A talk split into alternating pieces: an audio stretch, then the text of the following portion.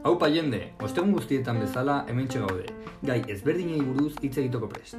Gaurko egunean, gai oso interesgarri bat daukagu, desobedientza zibila. Zehazki, eroi ezberdin sufritu dituzten arrazekeira egoera batzuk, eta nola hauek eragin dute egungo gizartean. Aste guztietan bezala, Unai Alvarez, Unai Aguado, Ander Busto eta Jon Leranoz daude. Beraz, az gaitez!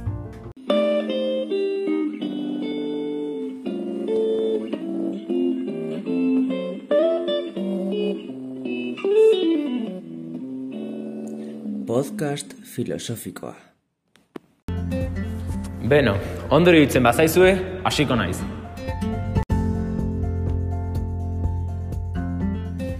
Asteko, Rosa Parks aipatu nahi nuke. Rosalind McCauley Parks tusegen jaio zen Alabaman, mila betziriunda ama iruko otxearen lauan eta laro bi urte geroago hil zen Detroiten. Afroamerikara aktivista bat izan zen, estatu batuetako eskubide zibin aldeko mugimenduko kide garrantzitsua, bereziki eserleku bat zuri bati utzi eta autobusaren atzea aldera joateari uko egin ziolako Montgomeryn mila betzireunda berrogeita boste, ama bosteko abenduan. Ekintzaren ondo eskartzen amaitu zuen, sarritan ekintza mugimenduaren txinparta bezala ipatzen da, eta eskubide zibilen lehen dama bezala onartzen dute rosa. Rosa Parksek berrogeita bihurtez dituela, garraio publiko bat hartu zuen etxera itzultzeko, zehazke autobus bat. Gara gerretan ibilgailuak lerro batekin seinaleztatuak zeuden, zuriak aurrean eta beltzak atzean. Horrela, arraza beltzeko jende autobuseko aurretik igo, gidariari ordaindu, jeitsi eta atzeko atetik igotzen zen berriro. Parks erdiko eserlekuetan kokatu zen, beltzek erabil zitzazketenak zurilik garez bazuten. Autobusa bete zenean, gidariak, bestiru beltzekin batera, igo berria zen gazte zuri bati beren lekuak usteko agindu ziren. Bestak zutitu egin ziren, baina bera geldi-geldi geratu zen eserita. Gidaria rosa botatzen zaiatu zen, legak esaten zuenez bere serlekoa utzi behar zuelako. Giariak atxiloketarekin mehatxatu zuen, baina ezen ezerle kulturik altxatzen. Polizia iritsi eta zergatik ez zen jeikitzen galdetu zionean, beste galdera batekin erantzun zuen. Zergatik ari zarete denok gu alde guztietatik botatzen? Populazio beltzak boikota babestu eta sostengatu zuen eta bidaia partekatuen sistema bat antolakutu zuen. Boikotatzaileak etengo gabeko eraso fisikoak jasan zituzten, baina iriko berrogei mila beltzen multzoak bere protestarekin jarraitu zuen batzuetan euren lantoketara eia iristeko hogeita mar kilometrotaraino biltzera iristiz. Mila beratzi da berrogeita maseiko aztararen amairuan, estatu batuetako gorte gorenak autobusen, jatetxen, eskolen, eta beste leku publiko batzuen bereizketa alegez kanpoko zela erabiki zuten. Bere joekabide gatik espetxeratua izan zen, orden astoratua izan egotzita. Gainera, amarau dolarreko isuna jarri zioten. Hala ere, arrazismoaren aurkako mugimendua behin behineko saltxatzea lortu zuen bere jokabiarekin eta hortik aurrera segregazioaren aurkako mugimendua konta ezinak izan ziren lege aldatzea lortu zuten arte. Rosa Parks Michigan Women's Hall of Fame delakoan sartu zuten mila dalaro gehieta iruan eskubide zibilen aurrera bidean egindako lorpenengatik eta masi urte berandoago arrazakeriaren aurkako bizitza baten ondorioz, Parksek estatu batuetako kongresuaren urrezko dominia jaso zuen.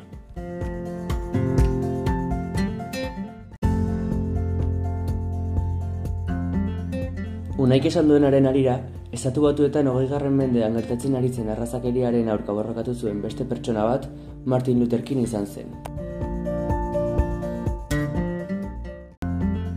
Martin Luther King Jr. Amerikako Estatu Batuetako Atlanta irian jaio zen, mila bederatzi da hogeita bederatzi garren urtean. Ministro kristau eta aktivista izan zen, Estatu Batuetan lanera bakigarria egin zuena Afroestatu Batuarren eskubide zibien aldeko mugimenduaren bozera maio bezala. Ospetsua egin zen, aldarrikatzen zuen guztia indarkeriari gabe eta desobedientzia zibilaren bidez egin zuelako, bere kristeu sinesmenean eta Mahatma Gandiren indarkeriari gabeko aktivismoan inspiratuta. Horregatik, naiz eta bere bizitzen zehar bederatzi atxiloketa jasan, bakearen Nobel saria jaso zuen mila eta irurogeita laugarren urtean. La urte geroago, Memphisen hil zuten, lagunen afari informal batera joateko prestatzen ari zela.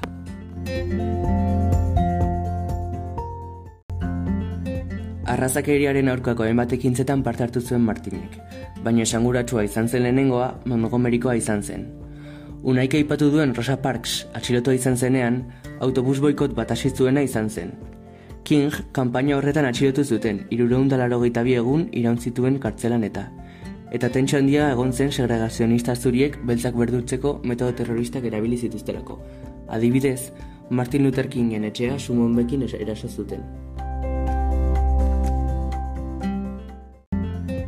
Kampaina horren ondorioz, SCLC izeneko talde bakezarealen sorreran parte hartu zuen.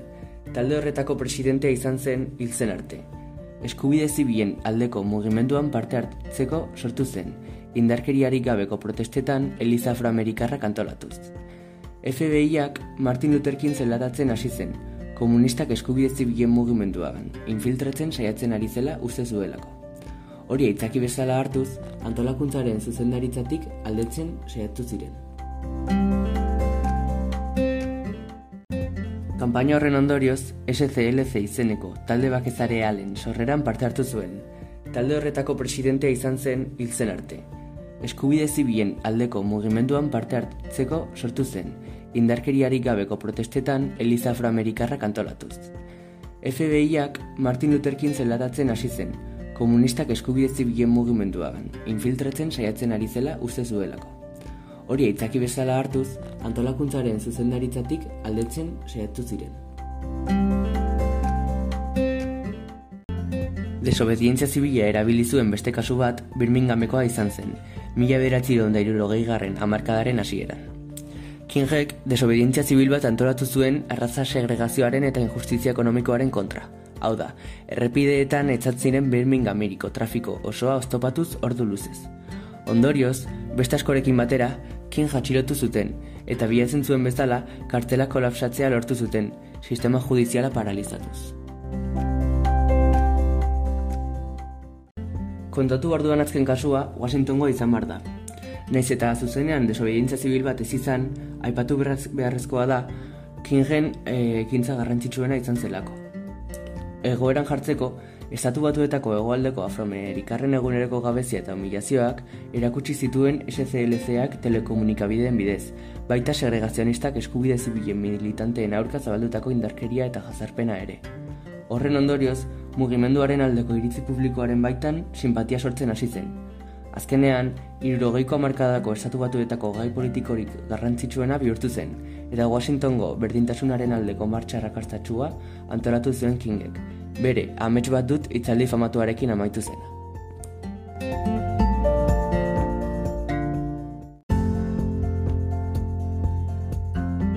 Bai, hori da, eta hau ikusita bururaten zaidan beste kasu bat Nelson Mandela da. Oso mugimendu adigarriak bideratu zuen. Nelson Mandelek botere bete arazlaren lehen agintari biltza izan zen, eta Sudafrikan sufragio unibertsalaren bidez hautatua izan zen lehena. Bere gobernua apartidetik jasotako gizarte eta politika egitura desmuntatzen aritu zen. Arrazismo, instituzionalitatuaren, borrokaren, pobreziaren, gizarte desberdintasunaren eta sozialaren sustapenaren bidez. Amabi urte zituela, aita hil eta lengusua bere kargo egin zen. Arekin joaten zen bere aurrekarien historiak entzutera erresistentzia gerretan. Horrela, sortu zen berekideen eskubideen alde borrokatzeko naia. Txikitatik erribindikazio jarrera erakutsi zuen.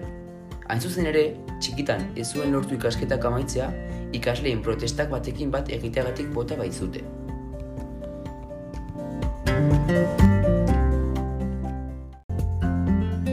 Mila bederatziron da berrokeita mabiaren inguruan, agintarien aurkako desobedientzia zibileko kanpainen buru izan zen Nelson Mandela. Eta horretarako, ANC sortu zen. Geroago, askatasun gutun bat onartxea sustatu zuen, arraza bere isketarekin amaitzeko berdintasuna eskatzen zuen. Urren urtean, apartidearen erregimenak neurriz asko gogorragoak hartu nahi zituen populazio beltzaren aurka. Horietako bat, beltzak basterreko lurraldeetan sartzea zen. Erantzun gisa, ANZek manifestazioak eta protestak deitu zituen herrialde osoan, eta antoratzaileak atxilotu zituzten, Mandela Barne.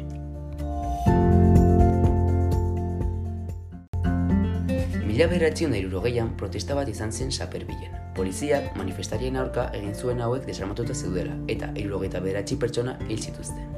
Gertaera bortitzorren ondorioz, gobernuak larrialde egoera deklaratu zuen. Oposizio beltzeko buruzageak atxilotu eta ANC-a legez kanpo utzi zuten. Horren ondorioz, Mandela hainbat hilabete egon zen berriro atxilotuta.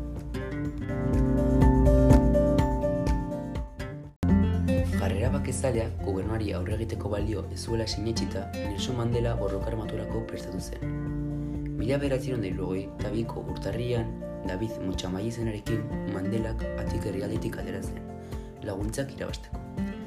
Urren urtean itzuli zenean atxilotu egin zuten, eta herrialdea baimenik gabe usteaz langileak grebara bultzatzeaz eta konspiratzeaz akusatu zuten. Ondorioz, mila beratzeron da marera arte egon zen kartzelan. Bi urte geroago, mila beratzeron da mairuan, arrazismoaren aurka borrokatu zuten urte guztiak zaritzeko bakearen Nobel saria jaso zuen.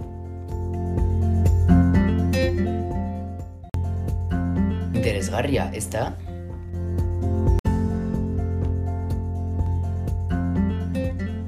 Bai, unai, hori oso interesgarria da eta gainera gogoratzen dit gaur egun gertatu den, ba, kasu nahiko famatu bat. Noski, George Floyden kasuaz ari naiz. Suposatzen dut jende guztia jakingo duela ba, zertan datza kasu hau, baino ez dakiten entzat ba, George Floyd berrogeita urteko gizon afroestatu batu arrazen, Minneapolisen atxilotu zutena. Zergatik gertatu zen hau, ba, hogei dolarreko bilete batekin denda batean ordendu zuelako.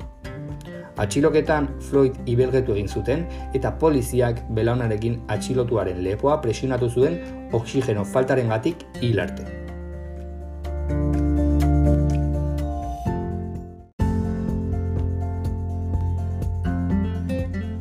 Bai, unai, hori oso interesgarria da eta gainera gogoratzen dit gaur egun gertatu den, ba, kasu nahiko famatu bat. Noski, George Floyden kasua ari naiz. Suposatzen dut jende guztia jakingo duela ba, zertan datza kasu hau, baino ez dakiten entzat ba, George Floyd berrogeita urteko gizon afroestatu batu arrazen, Minneapolisen atxilotu zutena. Zergatik gertatu zen hau, ba, hogei dolarreko bilete batekin denda batean ordendu zuelako. Atxiloketan Floyd ibelgetu egin zuten eta poliziak belaunarekin atxilotuaren lepoa presionatu zuen oksigeno faltaren gatik hilarte.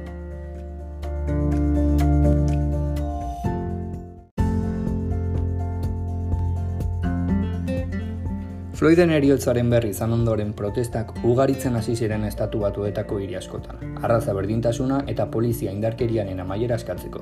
Egun gutxiren boruan, gertaerak aserrea eta protestak eragin zituen estatu batuetan. Arrazismoaren, xenofobiaren eta polizia abusuaren aurka.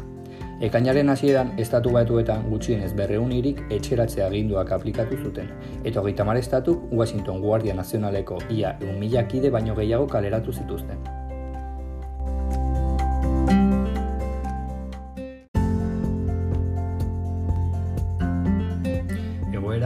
Hau neurketarik gabeko beste kasu arrazista bat baino da. Zeinak estatu batuetako eraso arrazista guztiengatik jende asko bidegabekeria horren aurka borroka egitea eragin zuena. Hasiera batean, bakezaleak izan ziren Floyden gainbeheraren ondorioz eragindako manifestazio eta protesta. Gero, manifestari batzuek polizia esparru bat vandalizatu zuten eta gainera su hartu, lapurtu eta inguruko jatetxe eta dendak kaltetu egin zituzten protesta moduan.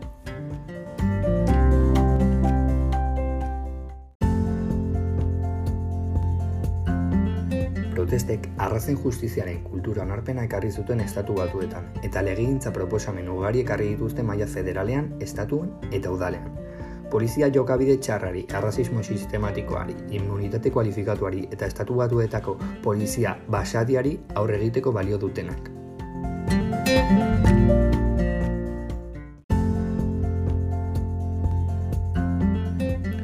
Hori gertatzean mundu osoko jende alkartu zen arrazekiri izeneko munstro erraldoiaren aurka borrokatzeko.